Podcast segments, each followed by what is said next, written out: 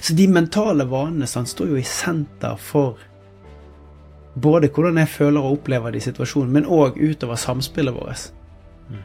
Og det her kan du gjøre i alle slags mulige situasjoner i livet ditt. Hjertelig velkommen til 10 minutt med Tim Rudi og Marius.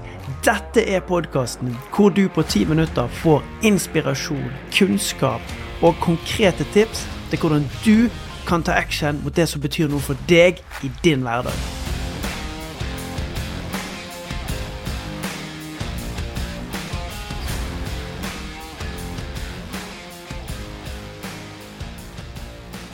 Yes. Jeg har eh, lyst til å snakke litt om eh, noe som eh, jeg opplever at veldig mange vet er lurt, men som veldig fort sklir ut. Meg selv inkludert kan merke det, og det ønsker vi å ta tak i på en stor skala. Og vi skal jobbe med vår nye, kule challenge. Eller vi gjorde det i år, vi skal gjøre det i år igjen. Og heldigvis så har jeg deg, Tim Rudi, som er eh, ja, vil si at du er ganske god på vaner. Eh, Du kan enormt mye, du har fordypa deg masse. Og egentlig så har jeg bare lyst til å bare snakke litt om det. Altså hvorfor er det viktig for oss å ha gode vaner på plass? Det er én ting. Men hvorfor er det så vanskelig, og hvordan skal vi klare å, å få det til å skje i en hektisk hverdag? Altså, jeg, jeg mener jo at folk ikke hensyntar det nok. I absolutt alle dimensjoner av livet. Om det handler om en privat uh, vane, altså en vane du vil gjøre for deg sjøl. Spise sunnere, sove bedre, trene mer. Eller om det er på arbeidsplassen. uh, gjøre ting annerledes. Implementering av nye systemer. Eller hva er tankemønstrene som har blitt en vane hos meg? Og det er vel kanskje der vi, vi, vi må bevege oss litt inn i, i hva de mentale vanene våre er. Hva er det vi har automatisert? Hvilken tanke er det som får frem hvilken følelse i meg? Hvorfor vil jeg ha den følelsen? Hvorfor har jeg blitt avhengig av den følelsen der? Og, og hva er det de tankene gjør? Er, det, er det dette en fordel for meg, eller skaper de noe hinder i, i hverdagen? Det tenker jeg, Vi er nødt til å snakke mer om det. Jeg er helt enig. Og, og der tror jeg egentlig ikke det er så lett å være klar over heller. For det er jo sånn med vanene våre, det er jo bare ting som hjernen bare gjør automatisk for oss, sånn at vi egentlig ikke skal tenke så mye på det. Og da hvis vi har en dårlig mental vane da, som konstant drar oss ned, eller vi gjør en feil, og så slakter vi, eller vi får ikke til noe første gangen, og så tenker vi at løpet er kjørt, så er jo det en mental vane som vil påvirke det resultatet. da. Hver gang det skjer, så kommer da den vanen fram. Og men hva kan man gjøre da for å begynne å jobbe med, med det her? For jeg tenker at det er visse ting som jeg Sånn som for eksempel jeg, jeg husker når jeg skulle for eksempel bli bedre på å holde foredrag, da. Så husker jeg hadde en mental vane som var at Marius, det her klarer ikke du, det her er du ræva på, det her burde ikke du gjøre. Altså, det, var sånn, det var sånn det var i starten. For at jeg skulle kunne begynne å endre den prosessen her, så måtte jeg gang etter gang etter gang etter gang over lang, lang tid trene opp et nytt fokus, trene opp nye tanker som jeg da kunne ta med meg inn i samme situasjon. Men det, er, det, er jo, det var forferdelig vanskelig, da. Og jeg tenkte kanskje ikke på at jeg hadde den vanen der, men eh, altså, hvordan er det man blir bevisst på hvilke vaner er det som egentlig er der? det, det, var noen Jeg hørte flere ulike potensielle spørsmål i den innledningen der. Men ta det helt fra scratch, da. Det er jo å begynne å lytte til den indre stemmen som vi har i hodet vårt. For den går der hele tiden og forteller oss hvordan virkeligheten ser ut. Og jeg skal gi et eksempel. Jeg er jo gift med Kristin. Og en mental vane jeg hadde, det var at jeg gikk og ventet på at hun skulle fortelle meg noe som jeg ikke hadde gjort godt nok. Det betyr ikke at hun gikk konstant rundt og bare påpekte alle feil og mangler jeg hadde. Men min mentale vane var nå kommer det noe. Og så den mentale oppfølgingsvanen var nå gjør hun det igjen.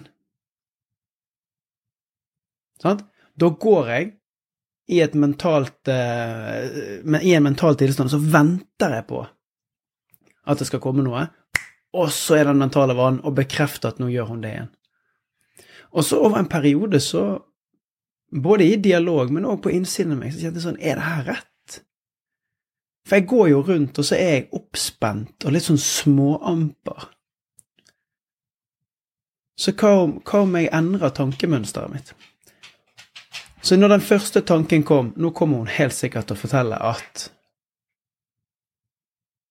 Så snudde det om til at det er jo bare bra. For hun viser meg jo hvilke områder jeg kan faktisk bli bedre på. Jeg skal være nysgjerrig på det hun sier, og så skal jeg takke for det.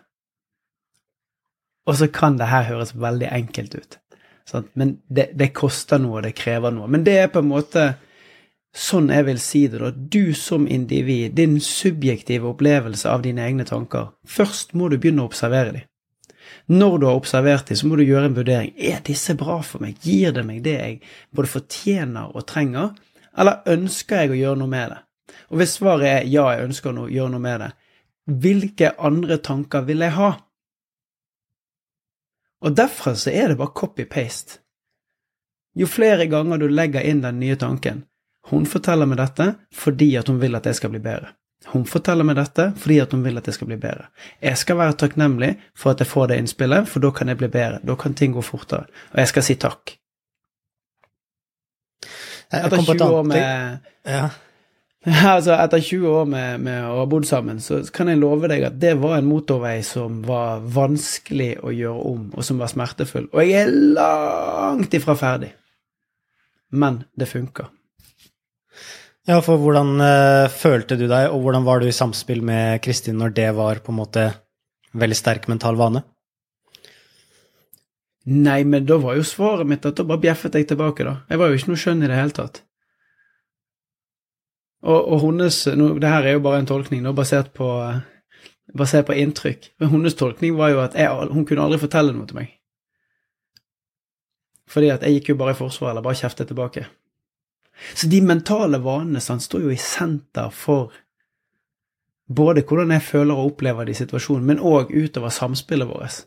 Mm. Og det her kan du gjøre i alle slags mulige situasjoner i livet ditt. Hvem er jeg i møte med, med, med, arbeidsplassen min? Hvilke tanker er det jeg har når jeg går inn på kontoret mitt? Hva tanker har jeg når jeg ser enkelte medarbeidere, når noen gjør noe som jeg ikke liker, eller som jeg reagerer på? Er det sant, eller er det et bilde jeg har skapt meg? Hva er faktasetningen? Gir han meg meg noe eller er han bare hemmende? Og som oftest der vi liksom kommer til at nei, det her gir oss ikke noe, det er hemmende, så kan det være nyttig å begynne å bytte de ut. Og da endres jo også enormt mye av den følelsen du har inni deg òg, når du endrer på tankene. For da fokuserer du på frustrasjonen og det, det som drar deg ned, ja, da, da, skjer det med energien din også. Så det er utrolig viktig. Et eksempel jeg kom på når du sa det, var sånn herre Jeg kunne ha sånn før når telefonen ringte, så kunne jeg tenke sånn Å nei, hva er det som har skjedd nå? Hva har jeg gjort for noe galt? Yes. Det er veldig mange ganger når jeg ringte, så var det bare ja, det var noe hyggelig samtale med eh, noen venner, eller Det var ikke bare det som skjedde. Eh, og da var det sånn Oi, jeg lager jo ekstra frustrasjon, jeg. Mer enn nødvendig. Mm. Det er den mentale vanen i spill. Mm.